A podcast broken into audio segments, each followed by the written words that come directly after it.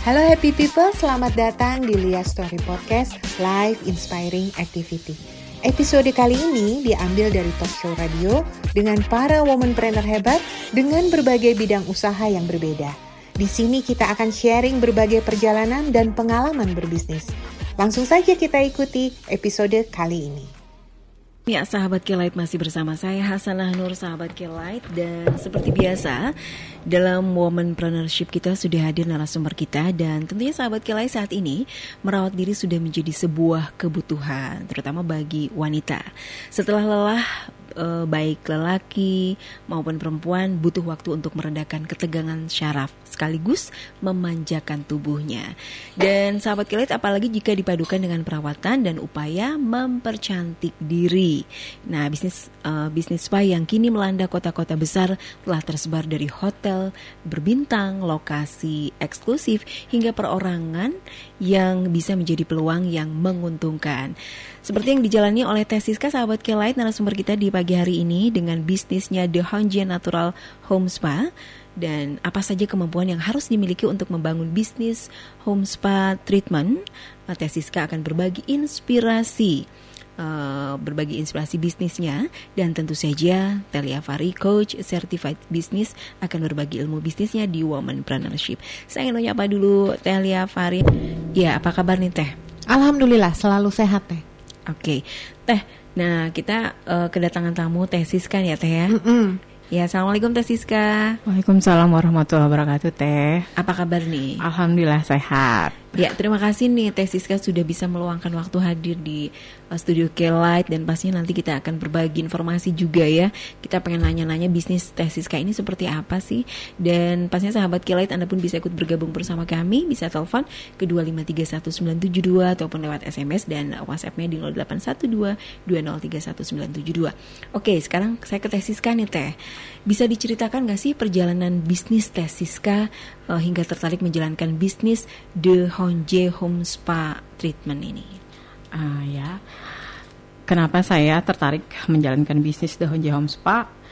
Ini adalah cita-cita lama sebenarnya. Hmm. Cita-cita dari kecil pengen punya spa, cuman baru bisa terwujud setelah saya menikah. Hmm. Uh, untuk menjalankan bisnis, saya pasti melalui tahap demi tahap ya. Sebelum menjalankan bisnis spa, ya saya menjalankan bisnis yang lain. Tapi pada akhirnya saya kembali pada cita-cita saya. Hmm. Uh, untuk menjalankan home spa kan kita menyediakan beberapa macam treatment. Saya memang khusus menangani wanita. Hmm. Karena wanita paling banyak uh, masalahnya, paling banyak yang dikeluhkan dan harus banyak uh, harus lebih banyak lagi penanganannya. Hmm. Uh, treatment kebetulan sih treatment kita lengkap, mulai dari aneka pijat seperti pijat pijat full body massage, pijat baby, pijat hamil pasca melahirkan, bahkan yang terbaru kita punya sports massage. Uh, dan juga kita lengkap dilengkapi dengan aneka totok. Mm. Itu ilmu pijat dan totok itu sebenarnya sangat berbeda. Mm. Berbeda peruntukannya, berbeda caranya, tapi tujuannya hampir sama untuk mendapatkan relaksasi, membuat badan bugar, terus itu untuk melancarkan peredaran darah. Jadi uh, kunci utama cuma satu di saat kita rileks bugar sehat itu cantik itu udah pasti hmm. jadi jangan berharap kita mau cantik kalau kitanya istirahatnya kurang hmm. pikirannya mumet terus stress, gitu stres mau anti aging yang super seperti apa pun tidak akan bermanfaat kalau kitanya sendiri nggak dirapihin dari dalam dari insightnya hmm. kita makanya kenapa dibutuhin kita untuk relaksasi melalui pijitan atau totok yaitu salah satunya untuk mendapat kecantikan secara dari secara alami dari dalam. Mungkin kalau dari luar ya tinggal di di perapihan sedikit aja gitu. Untuk memulai spa home spa uh, saya memang mengambil beberapa macam pelatihan khusus. Mm-hmm. karena saya ingin menangani konsumen itu dengan benar-benar uh, spesial ya. Tidak asal aja gitu. Mm-hmm. Jadi benar-benar saya saya dapat sertifikasi semua pelatihan pijat baik pijat maupun totok. Jadi saya juga konsumen juga merasa nyaman dipegang hmm. sama terapis yang benar-benar mengerti hmm. gitu. Alhamdulillah sih repeat order selalu ada karena sampai kapan pun yang namanya lelah pasti banyak diderita sama ibu sama sama semua orang ya. Iya, betul. Iya, ditambah lagi kota besar kan hat trick banget Mhm. gitu. Jadi sebenarnya bisnis ini masih sangat-sangat sangat-sangat gurih nggak everlasting kalau menurut aku. Mhm. bisnis pijat itu everlasting mulai dari zaman dahulu gitu sampai kapan pun dia akan tetap dibutuhkan tidak akan kegerus zaman. Cuman mungkin pengemasannya saja gitu kan mengikuti perkembangan zaman.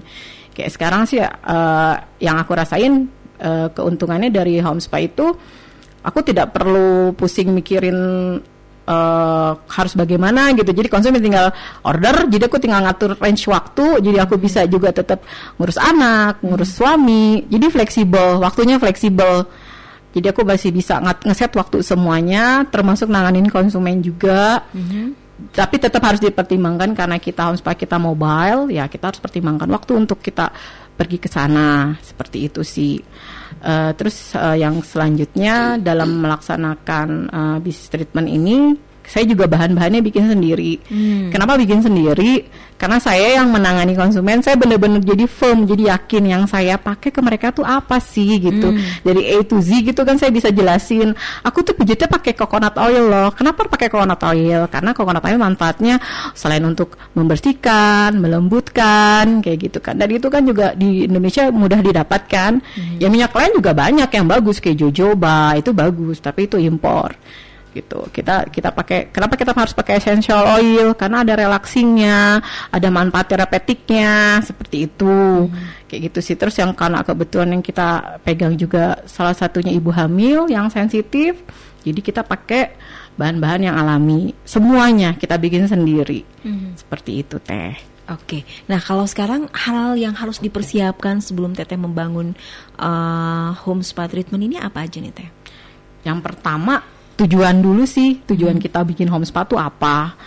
Eh, tidak hanya berbicara masalah ekonomi dan uang ya harus pakai hati karena saya merasakan kita ngerjain apa pun kalau hati kita tidak ikutan di sana kayaknya nggak dapat apa-apa gitu.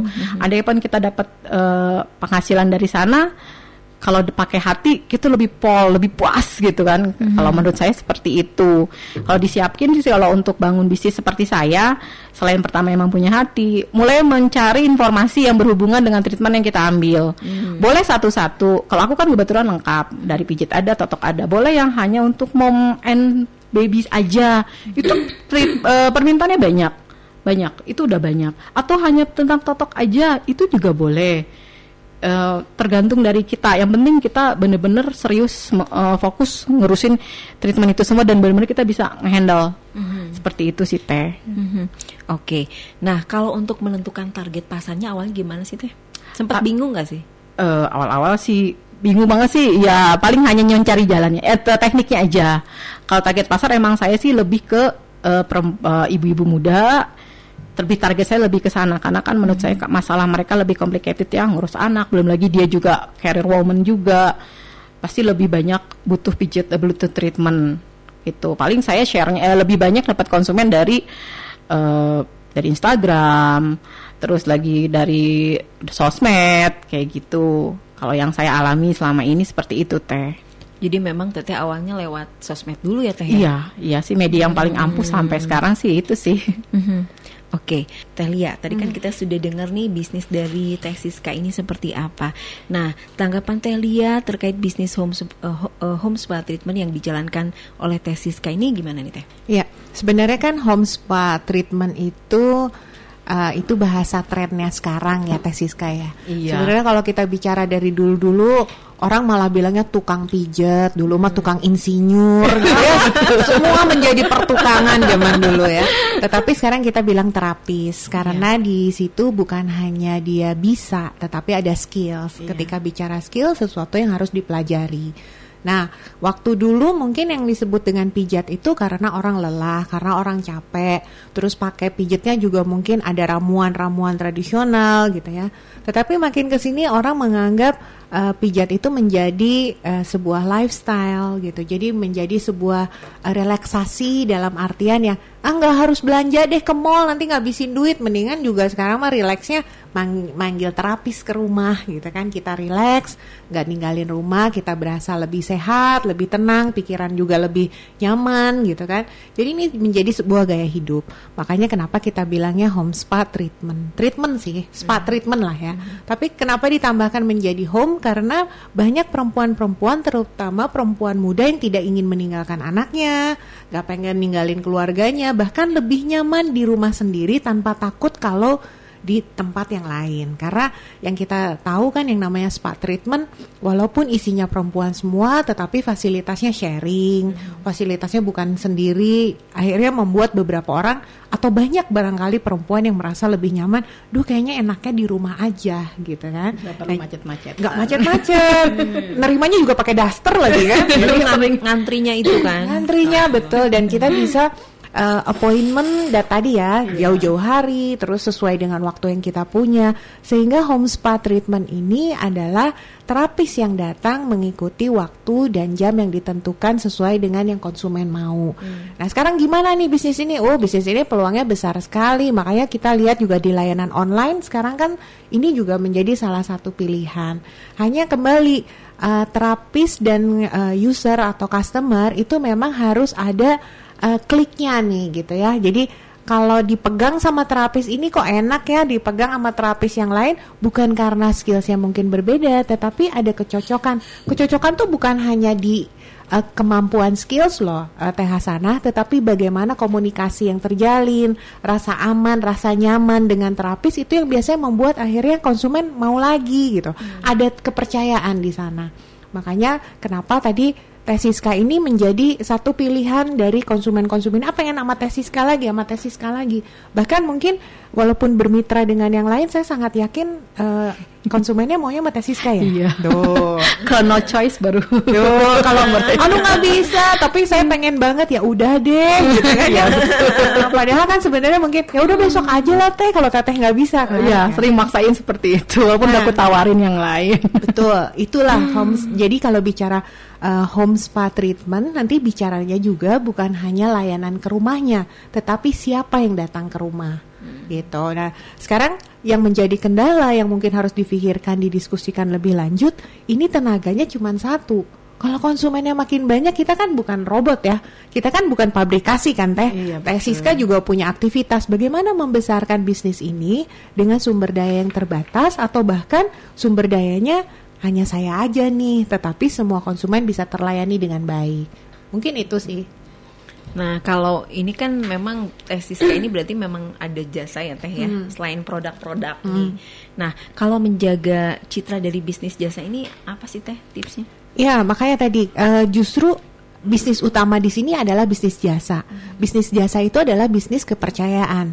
Di sini Teteh punya produk-produk, tapi produk-produk ini adalah pendukung kan. Ya, Jadi kalau sudah menggunakan jasanya Teteh, terus kemudian eh ternyata di sini ada ramuan, ada sabun, ada ada minyak dan lain-lain yang ternyata nyaman, akhirnya mereka membeli. Tapi utamanya adalah mereka membeli jasanya Tesiska. Hmm. Sehingga Tesiska inilah yang memang harus tadi Tesiska sampaikan dari di awal bilang tujuannya harus jelas. Nah tujuan itu sebenarnya di bisnis tuh kita bicaranya visi misi. Hmm. Nah sekarang Teteh kan punya mitra tadi ya yang hmm. lepasan. Nah sekarang kalau bisnis kita semakin uh, besar, semakin berkembang, mitra-mitra ini juga harus punya tujuan yang sama. Hmm. Jadi tidak cukup hanya punya skills yang sama, hmm. tetapi mereka pun harus disampaikan bisnis saya itu ke depannya adalah ingin membuat konsumen merasa nyaman, hmm. sehingga nanti harus ditranslate sama si terapis itu nyaman tuh gimana sih? Gitu nyamannya teteh sama nyaman terapis lain itu harus sama dan itu harus tersampaikan sehingga siapa pun konsumen yang menggunakan jasa di Honje mereka tetap merasakan tangannya Teh Siska di tangannya orang lain. Hmm. Itu yang jadi penting. Karena kan kita ingin membesarkan bisnis. Membesarkan bisnis ini bukan artinya menjadi sesuatu yang skalanya besar, tetapi membesarkan tuh jangka panjang. Teteh kan pengen membesarkan bisnis ini untuk diturunkan kepada anak cucu kan. Hmm. Nah, jadi bagaimana biar bisnis ini bisnis yang berkelanjutan, uh, bisnis yang terus nanti bisa saya turunkan ke keluarga, ke saudara, ke anak. Di situlah Teteh harus menitipkan satu bahasa yang sama kepada terapis-terapis yang lain lewat tangannya gitu. Jadi semua bisa merasakan dan konsumen juga tahu oh ini di Honje deh yang saya booking gitu yang saya pakai jasanya. Nah, sekarang Telia kalau sudah lihat uh, produknya nih Teh. Mm-hmm. Nah, tanggapan Produknya teh, banyak ya? Iya, banyak banget banyak. ya. ini belum semua. Oh, ini belum semua. Yang basah-basahnya kayak um, apa namanya? Kita kan pakai maskernya masker kefir. Mm-hmm. Itu Oh, itu kan basah. Ah, ya aku nggak bawa yang basah-basahnya. Iya. Kenapa Teh? Jadi tanggapan Teteh nih terhadap uh, apa ya? Produknya, kemasannya, terus juga menyikapi persaingan teh di bisnis ini seperti apa sih? Ya, jadi ini melan- melanjuti tadi yang saya jawab ya bahwa bisnisnya bisnis jasa. Kalau kita hanya berkutat di bisnis jasa bahwa kita mampu, kita punya skills untuk memijat, otomatis kita hanya akan jadi tukang aja tadi gitu ya. Yang di yang digunakan oleh orang itu jasanya kita. Ketika kita sedang tidak mampu, kita punya kesibukan atau kita mungkin lelah atau capek atau sakit, otomatis kita udah nggak punya penghasilan, jasa kita tidak digunakan. Tetapi bagaimana nih kalau saya punya kegiatan lain, saya lagi terapis orang, ada orang lain yang butuh jasa saya juga saat ini, tetapi dia tetap bisa menggunakan jasanya kita. Ditambahkanlah dengan inovasi produk mungkin jasanya tidak digunakan tapi produknya dibeli. Nah, terus kemudian ini kan e, bisnis masas. Masas itu bicaranya dari head to toe ya, dari kepala sampai kaki. Bicaranya e, tentang kebersihan anggota tubuh gitu. Mulai dari oil yang digunakan ketika masas, terus kemudian membersihkannya juga menggunakan sabun misalkan. Terus merawatnya tiap hari juga harus ada treatment yang lain. Nah, itulah sebetulnya yang di uh, introduce ke konsumen. Hmm. Jadi mungkin lagi terapis, tadi eh, lagi terapi gitu ya, Teteh uh, Tesiska mungkin menyampaikan bahwa eh saya punya produk tambahan dan lain-lain hmm. bagi yang sudah menggunakan. Tapi gimana caranya mengintroduce produk kita untuk yang belum menggunakan? Nah, ini jadi PR juga. Udah orangnya belum pakai jasa kita, orangnya juga belum tahu The Honje, terus kemudian orangnya juga belum tahu uh, produk e, tambahannya gitu kan. Nah, makanya tadi networking yang lewat komunitas-komunitas, hmm. kemudian media sosial, terus bagaimana nanti tenaga terapis tadi teh hmm. dijadikan mitra untuk bisa memperkenalkan produk. Jadi contohnya uh, teh Siska ini kan tadi menyampaikan di Bekasi ada terapis katanya ya. Nah, gimana caranya terapis ini menjadi perpanjangan mulutnya kita untuk menyampaikan selain tenaga jasa kita punya produk. Jadi banyak sekali sebetulnya alternatif untuk memperkenalkan produk ini melalui peran serta pihak ketiga. Nah, sekarang bagaimana kita mentreat atau bagaimana kita memperlakukan, bagaimana kita bekerja sama dengan pihak ketiga secara baik sehingga yang disampaikan oleh kita kepada konsumen itu sama yang disampaikan oleh mitra terhadap konsumen. Oke. Oke, ini waktunya juga sudah hampir habis ya, Teh, tapi terakhir nih mungkin uh, dari Teh Lia masukannya untuk Teh Siska dan juga untuk kita semua, Teh. Ya, jadi buat uh, sahabat Kelight semua, untuk Teh Siska dan uh, untuk Teh Hasanah juga nih ya, hmm. ini bisnis home spa treatment ini adalah bisnis yang baru. Jadi kalau menurut saya itu menjadi seorang pebisnis itu siapa pun juga harus mampu untuk belajar di saat yang lain masih menunda. Dan kita harus mampu untuk bekerja di saat yang lain masih berharap. Hmm. Jadi dengan kata lain biasakan diri e, bagi kita semua untuk bisa mendengarkan suara konsumen, apa yang konsumen mau dan bukan hanya pandai berbicara untuk menyampaikan produk apa yang kita punya saat ini. Ya, terima kasih Telia yang mudah-mudahan bermanfaat untuk kita amin, semua amin, ya, amin, terutama ya. untuk tesis. Iya, sama-sama Teh. Terima kasih juga mudah-mudahan makin banyak konsumennya Teh. Amin, Dan amin, ini terima produknya kasih. bermanfaat untuk uh, masyarakat banyak. Iya, iya, makasih. Oke, Teh. sahabat kilat kita akhiri perbincangan kita dalam momen partnership. Oke happy people, tadi sudah kita ikuti episode seru dan pengalaman menarik dari salah satu woman trainer hebat. Jangan lupa untuk hidup bahagia dengan selalu berbagi manfaat untuk semua orang. Semangat berbagi, berbagilah melalui kebaikan.